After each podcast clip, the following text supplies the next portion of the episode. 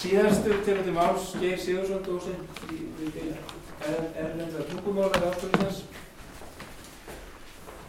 og ég held ég veit eitthvað er þetta þetta heitir, en ekki?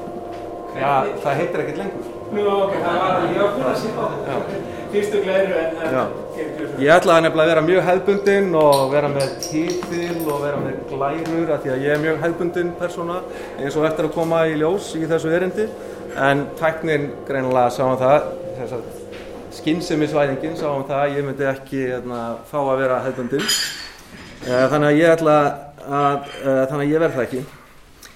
og um,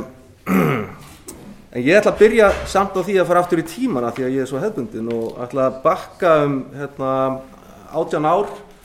eða til ársins 1997 þegar að Vilhjámur gaf út þessa bók hér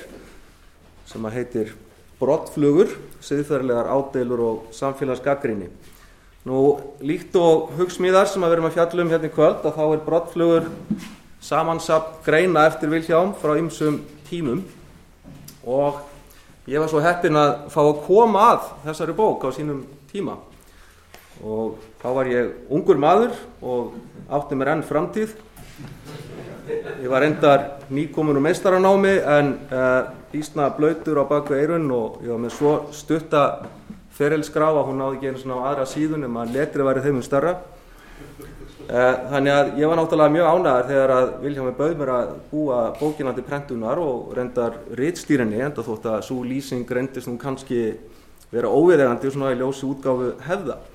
En ég var mjög þakklátur og, og reikin að því að fá að vinna þetta krefjandi verkefni en líka tilturlega skelk, skelkaður og jafnveg mjög kvíðin.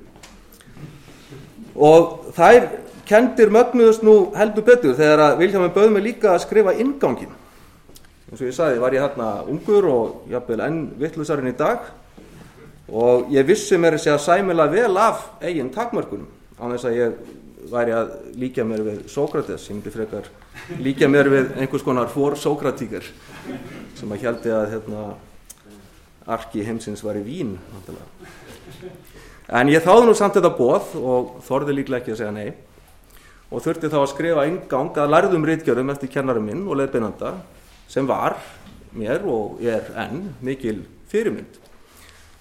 Ég get nú ekki sagt að ég hafi fengið ídalega leiðbeiningar um það til hvers var ætlast af mér í þessum ingangskrifum. Vilhjámur er kennari af Guðsnáð sem að gerir svona lúmskar kröfur til nefnda sína og býr þannig um hnútana að þeir þurfa sjálfur að, að draga álíktanir og, og fást uh, við úrlausnarefni sína eigin spýtur. Nú ég lærði náttúrulega mikið að því að vinna hann ingang sem var vantalega eitt af því sem var vakti fyrir Vilhjámi en það kann að vera að innihaldið hafi komið honum svolítið á óvart. Og ég man mjög vel eftir fyrstu viðbröðum hans eftir að hann las strögin og þá sagði hann eitthvað að þá leið að ég hafi farið erfiðu leiðina. Og núna átjan árum síðar ég, er ég ekki alveg viss hver auðvelda leiðin hefði verið En ég las þennan ingang aftur um daginn í fyrsta skipti eftir átján og ég þrældi mér í gegnum hann og uh, það var eins og að lesa ingang eftir einhver aðra persónu, ég kannast ekkert að sjálfa mig í þessu. Útkoman var ónættilega köplum svona frekar uppskrúaður og frekar krítisku texti sem að kemur lesendum örglega frekar ankarralega fyrir sjónir sem ingangur að greinasafni eftir manneskjum sem að hærist enn ofan jarðar. En núna fjöllum við um hugsmíðar, þessa nýju bók Viljáns og ég er ekki síður stoltur af því að vera búið að taka hana til umfjöllunar hér í kvöld og að hafa fengið að koma að brottflugum fyrir 18 árum. En nálgun Viljáms á aðkomu þeirra sem að fást við hans verk hefur í millitíðin ekki breyst íkja mikið frá því að ég satt fyrir átján árum sveittur og taugaveklaður í kvistherbergi á laugaveginum að rempast við að gera það sem ég held að ég ætti að gera, að gaggrína kennarum. Við þrjú sem að tókum, eða tökum hérna máls, við fengum svona í existensialiskri ángist okkar algjörlega frjálsar hendur til þess að haga málum að vild, sem er að maður það er. Og hugsmiðar er mjög mikil bók og fjölbreytt og það er svona náttúrulega engi leið að gera henni tæmandi skil á svona stuttumálþingi, en til að tryggja við vorum í einhverju tölvupósambandi okkar á svona meðan við vorum að, að vinna að þessu. Og við ákváðum, eða allavega skildi það þannig að við höfum ákveðið nokkur veginn að skipta þessu í þrend því að það eru þessi þrýr hlutar bókarinn að við vorum þrjú, það bara passaði mjög vel. Og, og ég svona, að því ég er svo óhagnýtur að þá ákvæði ég að, svona, að panta einhvern veginn en að fræðilega hluta nummer eitt, fyrsta hluta en svo náttúrulega hafa Þorgir og Bryndis verið að fara út um víðan völl. En ég er raun og veru bara í þessum fræðilega hluta þannig þannig að ég ætla svona aðeins að, að tala um hann. Ég veit ekki hvort að það sé auðveldari leðin um, nú milli brottflugna og hugsmíða er að finna mjög beinar tengilínur fyrir utan auðvitað sjálfan höfundin sem ég langar að gera hér að undalsefni vegna þess að mér sínast um, um, ákveðna greinar hérna snúast að mjög miklu leiti einmitt um stöðu siðfræðinar í fjölhyggju og fjölmenningar samfélagi samtímans sem við búum í í sífælt auknum mæli. Í brottflugum byrtist grein undir titlinum leikreglur og lífskildi hugleðingum hlutverk siðfræðina sem að Bryndís fjallaði um eh, og ég vil langar aðeins að víkja henni líka. Þessi grein hún vakti veruleg viðbröð frá íslensku heimsbyggingum og síðan byrtast gagn viðbröð Vilhjáms í þremur greinum hugsmíða og þetta eru greinarnar hversi siðfræði megnug, hugleðingar um leikreglur og lífskildi á rauðu ljósi, ansvar við gaggrinni á leikreglur og lífskildi og loks gaggrinni siðfræðinar og gildi mannlífsins.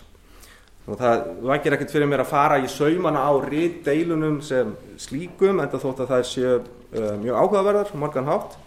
En svo afstæða Viljáms til siðfræðina sem að byrtist í þessum greinum endur spekla líka þá tilhengu hans að gæta einstakningsfrælsinu og veita fólki nöðsynlega svegrum til að þroska sig með því að fara eigin leiðir í lífinu. Ekki ólíkt því að forðast vísvitandi að segja okkur ekkert um það hvað við höfum að gera hér í kvöld. Það er svona held ég enginni og,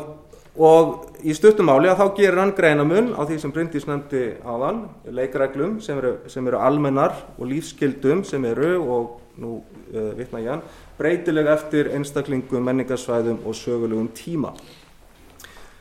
Nú ef við köfum dýbra í þær fræðilegu forsendur sem Vilhjámi stuðst við þá verðist nánast hægt að tengja þennan greinamun sem hann gerir á leikreglum og lífskildum uh, við tiltekna sögulega heimsbygginga.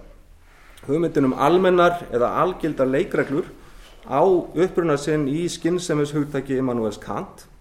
og svo er hún leittum uh, völundarhús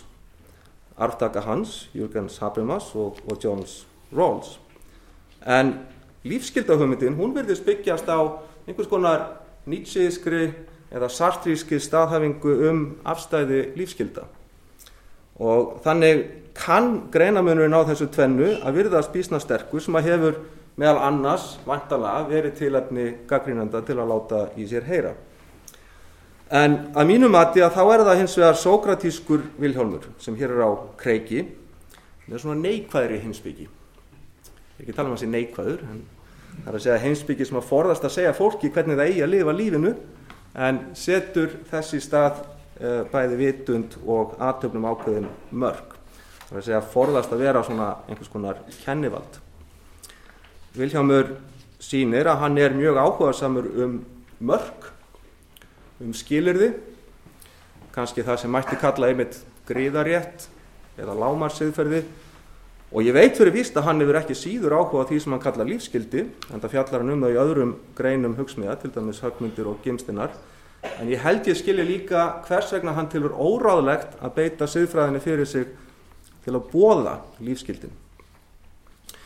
Nú í þessum áðurnemda ingangi mínum að brottflugum þrátt fyrir það að vera marganátt óskiljanlegur að þá kom ég auða á að ég hafi bendla Vilhjálm við þið postmoderníska ástand. Hugsanlega í óþök hans sjálfs. En þá átti ég við held ég, ef ég tólka sjálfa mig að siðfræði uh, Vilhjáms einkennist af viðbröðum við þeirri stöðu sem að mótaðist í Európu á nýjöld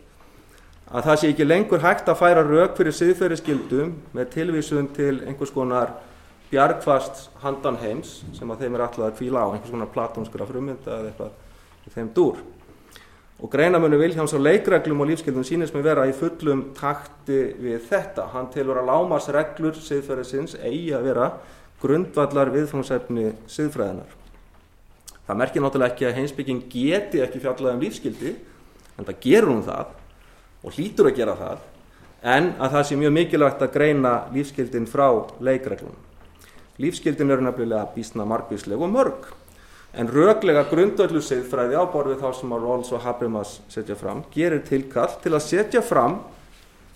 líðræðislega leik, leikreglu sem allir ættu að geta fallist á sem eru einhvers konar, einhvers konar skildur í lámar skildur í, í kantískum skilningi. Og ef ég skilja rétt þá hefur Viljámur ágjörða því að án þess að gera greinamun á þessu tvennu verði leikreglunar undirorknar samskonar afstæði og ríkir de facto, að það sé raun og sanni um lífskildin í fjölhyggju samtímans hvort sem að svo afstæðisíkja sé uh, óréttmætið eða ekki. Og þetta er reyndar ekki ólíkar áhyggjur og Kant hafði og hann tjáur í formála sínum að grundverðlega frumsbyggi siglara breytni. Það er svona ákveðna praktískar ástæði fyrir því að, að, að haga þessum, þessum hætti. Þó finnst mér ástæða til að spyrja Viljám hvort greinamörurinn þarna sé ekki eftir sem áður hárfín og hvort það sé raunhæft að við getum yfir höfu gert það Mér þetta til dæmis í hug hvort að Kant gamli setja ekki sjálfur leikreglur og lífskildi saman í einn hóp eða minnskosti blandar því nokkru leiti saman þegar hann tekur dæmi um siðferðisskildur með alhæfingargildi í grundvelli að frumsbyggi siglæra breytni. Það tekur hann fjögur dæmi. Uh, fyrstu tvö dæmin sem hann tekur um, um sjálfsvík og brota á lovorðum virðast tilheyra uh, einhvers konar lámars leikreglum en hinn tvö síðari sem maðurinn sem að kýsa að, að rækta ekki hæfileika sína og síðan sá sem að um, ákveður að gera svo sem engum illt en ekki heldur að hjálpa nöðstöldum sínast mér ekkert með frekar í ætt við lífskildi eins og Viljámi Lísið og krafa Kant um, virðist í raun, að, veru ganga svolítið þvert á þá staðhangu Vilján sem að stuðaði mjög gaggrindur hans að svo framalega sem einstaklingurinn takkið sangjan til til annara ætti siðfræðan að láta sér það í léttu rúmi liggja þótt að lifi tilgangsnöðu lífi. Myndi Kant samsina þessu? Það er kannski spurningin. Ég kynna með þetta að heyra viðbröð Viljáns við þessari spurningu eða þessum aðváðsandum síðan langar með að ljúka með því að hverfa til upphafsins til fyrstu greina bókarinnar sem að nefnist er heimska í siðvitinu um ethos, logos og frónesis í nútíma siðfræði. Þar fjallar Viljámur mjög gaggrinnið um ný aristoteliska og, og tólkunafræðilega siðfræði. Þetta er mjög rík grein, mjög þjætt, mjög aðteglisverð og mér langar að víkja þar bara nokkrum atriðum sem að ég svona hugsa yfir og varða hlutverk skinnsemi, hefðar, aðstæðubundunar hugsunar og getunar til að gera það sem er við hæfi.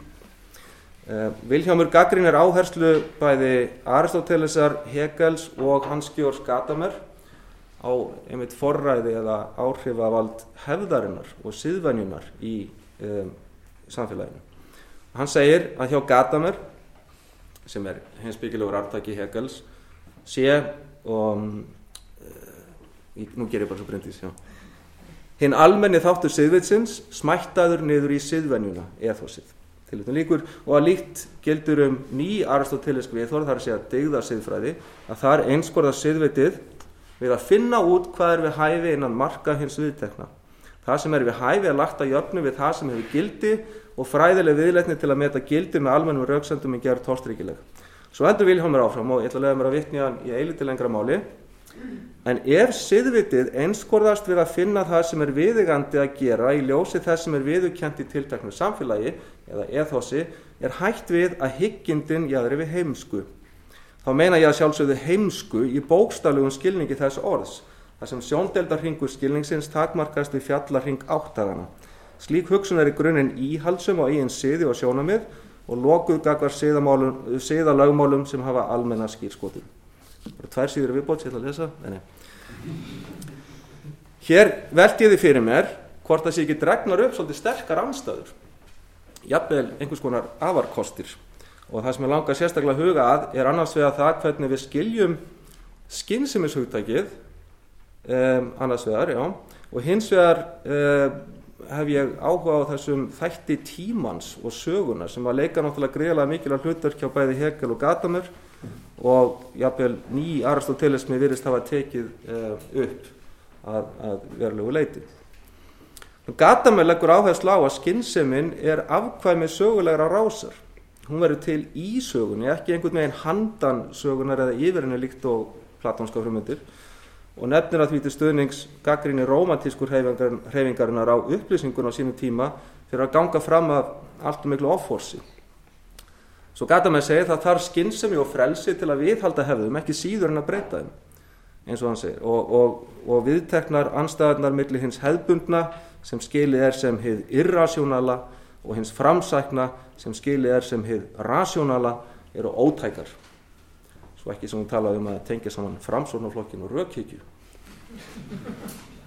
Nú er ég ekki að ásaka Vilhjálm um að halda fram tvíhyggju sem þessar en hún kann þó að vera hættulega skamt undan og með kenningunni að þá útlistar með kenningu sinni útlistar gata með þá aðferð kannski er ekki aðferð gott orð kannski þann hátt sem við beitum í reynd